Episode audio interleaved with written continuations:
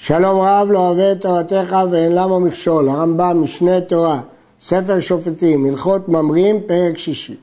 כיבוד אב ואם מצוות עשה גדולה, וכן מורה אב ואם. שקלם הכתוב בכבודו ומוראו. למה הרמב"ם אומר שזה גדולה? כי זה קרוב לכיבוד הקדוש ברוך הוא. כתוב, כבד את אביך ואת אמך, וכתוב במשנה, כבד את השם מעונך.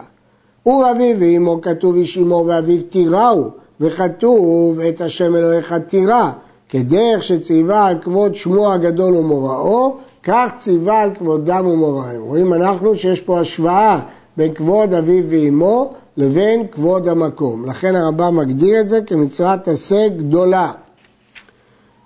המקלל אביו או אמו בסקילה, והמגדף בסקילה, הנה השווה אותם בעונש.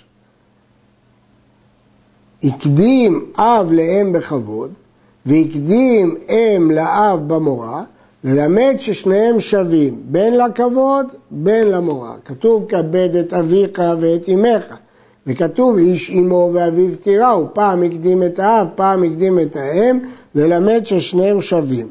בגמרא נאמר, תניא, רבי אומר גלוי וידוע לפני מי שאמר והיה עולם, שבן מכבד את אמו יותר מאביו, פני שמשדלתו בדברים, לפיכך הקדים הקדוש ברוך הוא כיבוד אב וכיבוד אם. וגלוי וידוע לפני מי שאמר והיה עולם שהבן מתיירא מאביו יותר מאמו, מפני שמלמדו תורה. כך הקדים הכתוב מורה האם למורה האב, משמע ששניהם שווים. איזה הוא מורה ואיזה הוא כבוד? מורה לא עומד במקומו ולא יושב במקומו ולא סותר את דבריו ולא מכריע את דבריו מכריע זה כשיש מחלוקת והוא מכריע לצד אחד. ולא יקרא לו בשמו, לא בחייו ולא במותו, אלא אומר אבא מרי. היה שם אביו או שם רבו כשם אחרים, משנה את שמם. הוא גם לא יכול לקרוא לאחרים בשם הזה. יש טמאים, למה לא יקרא את האחרים בשם אביו או רבו? כך שואל הטור ביורד הרי הוא לא קורא לאבו, לרבו.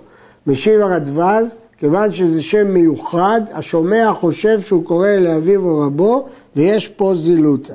הגאון מווילנה מביא אה, ראיה לזה מפירוש הערוך על שם אביי, ששמו היה נחמני ורבא קראו אביי, וכך קראו לו כולם, כדי, כי הוא היה תלמידו של רבא. יראה לי שאין נזהר בכך אלא בשם שהוא פלי, שאין הכל דשים בו, שם מיוחד. אבל השמות שקוראים בהם כל העם, כגון אברהם, יצחק ויעקב, משה ואהרון, וכיוצא בהם בכל לשון ובכל זמן, קורא בהם לאחרים שלא בפניו, ואין בכך כלום, כי אף אחד לא יחשוב שהוא קורא לאביו, כי זה שם שגור. איזה הוא כבוד? מאכיל ומשקה, מלביש ומכסה משל אב. בגמרא יש מחלוקת האם כיבוד אב זה משל בן או משל אב. הגמרא מסיקה שכיבוד הוא משל אב. ואם אין ממון לאב ויש לבן, כופין אותו וזן אביו ואמו כפי מה שהוא יכול. הגמרא מסכת כתובות אומרת שכופין אותו כפי מה שהוא יכול.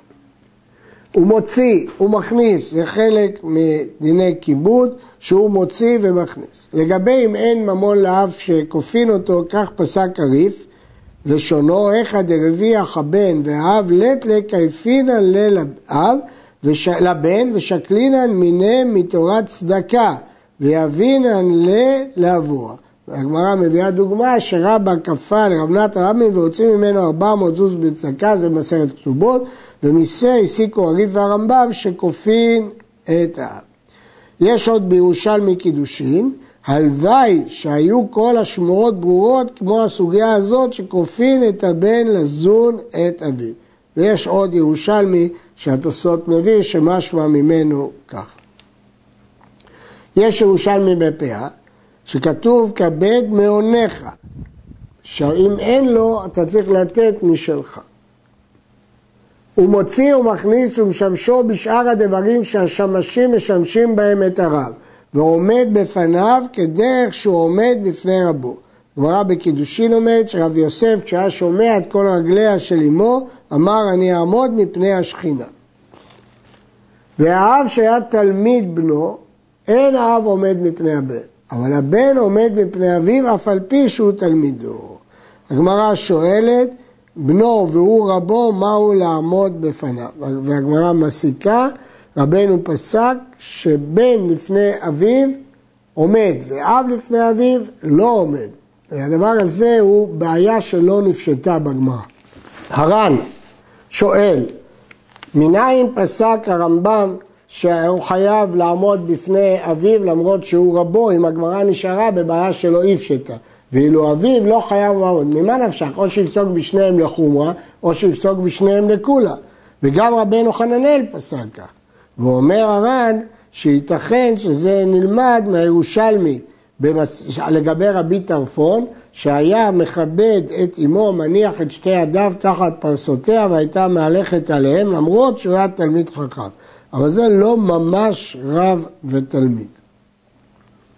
וחייב לכבדו בשאר דרכיו, בשעת מסעו ומתנו ועשיית חפציו. כיצד?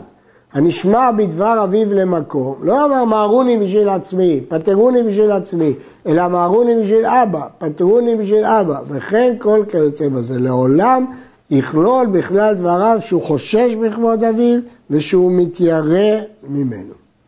וחייב לכבדו אפילו לאחר מותו. הברייתא אומרת, מכבדו בחייו ומכבדו במותו. כיצד?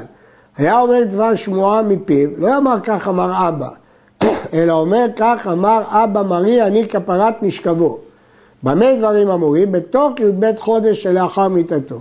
אחר השנים עשר חודש אומר זיכרונו לחיי העולם הבא. אחד האיש ואחד האישה חייבים במורא וכבוד. אלא שהאיש יש בידו לעשות, והאישה אין בידה לעשות, שהרי רשות אחרים עליה היא ברשות בעלה. לפיכך, אם נתגרשה או נתאלמנה, הרי שניהם שווים. עד היכן הוא כיבוד אב ואם. אפילו נטלו כיס של זהובים שלו וישלחו בפניו לים, לא יחלים אותם ולא יצעק בפניהם ולא יכעוס כנגדם, אלא יקבל גזירת הכתוב וישתוק. יש כאלה שדנים בזה. הגמרא שואלת, אי אמרת בשל אב, מה אב קלן מיניה?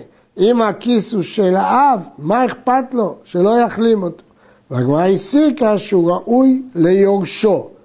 כיוון שזה ראוי ליורשו, אז לכן אכפת לו. אבל הרמב"ם כתב, אפילו נטלו כיס של זהובים שלו, כלומר של הבן.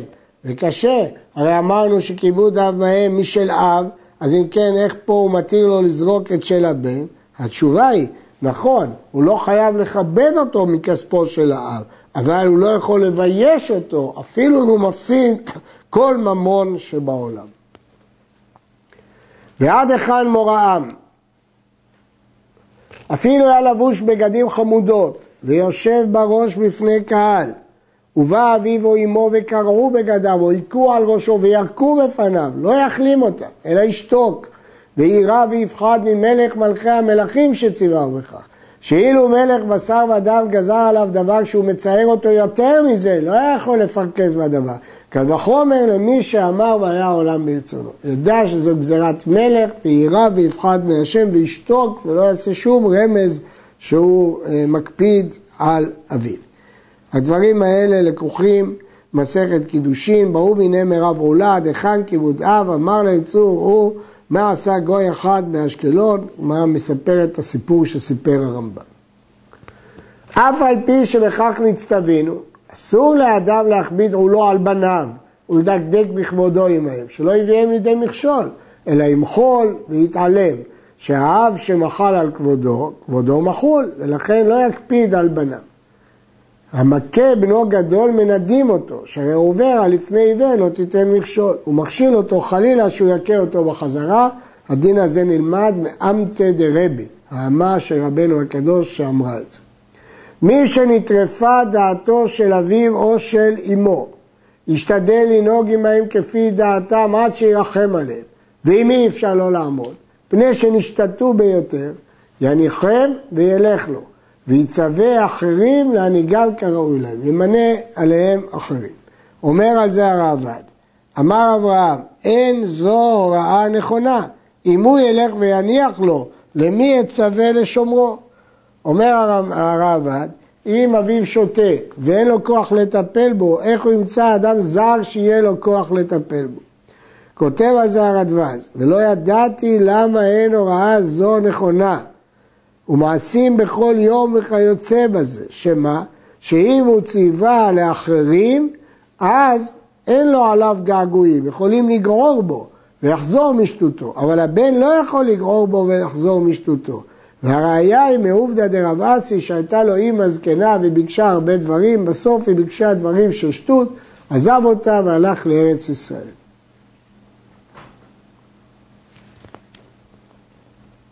הממזר חייב בכבוד אביו ומוראו, אף על פי שהוא פטור על מכתו ועל קללתו, עד שיעשה תשובה. שאפילו היה אביו רשע ובעל עבירות, מכבדו ומתיירא ממנו. אפילו כשלא עשה תשובה, אז אסור לו לצער אותו ולבייש אותו, חייב לכבד אותו. ראה אותו עובר על דברי תורה, לא אמר לו אבא עברת על דברי תורה, אלא אמר לו אבא, כתוב בתורה כך וכך, כאילו הוא שואל ממנו, לא כמזהירו, כך הוא צריך לכתוב לו. כתוב כך, לא לצער אותו. כל זה אפילו שהוא עבר על דברי תורה. מי שאמר לו אביו לעבור על דברי תורה, בין שאמר לו לעבור על מצוות לא תעשה, או לבטל מצוות תעשה אפילו של דבריהם, הרי זה לא ישמע לו, שנאמר איש אמו ואביו תיראו, ועת שבתותיי תשמורו, כולכם חייבים בכבודי. הגמרא במסכת בבא מציע, פרק אלו מציאות, אם אמר לו אביו להיטמע, או שאמר לו אל תחזיר אבדה, לא ישמע לו. אמר לו אביו השקני מים, הוא מצווה לעשות. עכשיו הוא צריך ליטול לולב, ואבא דורש שיביא לו מים. אם אפשר למצווה שתיעשה על ידי אחרים, תיעשה. ויתעסק בכבוד אביו, שאין מבטלים מצווה מפני מצווה. ואם אין שם אחרים לעשותה, הוא צריך לעסוק במצווה. יתעסק במצווה ויניח כבוד אביו. שהוא ואביו חייבים בדבר מצווה. ותלמוד תורה גדול מכבוד אב ואם. כתוב בפירוש במשנה בפאה, אלו דברים שאין להם שור, ובסוף כתוב ותלמוד תורה כנגד כולם. אמר לו אביו, השקני מים, ואמרה לו אמו השקני מים. מניח כבוד אמו ועוסק בכבוד אביו תחילה, מפני שהוא ואמו חייבים בכבוד אביו. חייב אדם לכבד את אשת אביו, אף על פי שאינה עמו, כל זמן שאביו קיים, שזה בכלל כבוד אביו. כתוב, כבד את אביך, לרבות אשת אב, זה כלול בכבוד האב. וכן מכבד בעל אמו כל זמן שאמו קיימת, אבל לאחר מיתתם אינו חייב, כי כל הכיבוד שלהם זה בעצם כלול בכבוד אביו. ומדברי סופרים, שיהיה האדם חייב בכבוד אחיו הגדול ככבוד אביו. כתוב את לרבות אחיך הגדול. לפי הרמב"ם, הדרשה הזאת היא מדברי סופרים, היא לא מפורשת בתורה. עד כאן.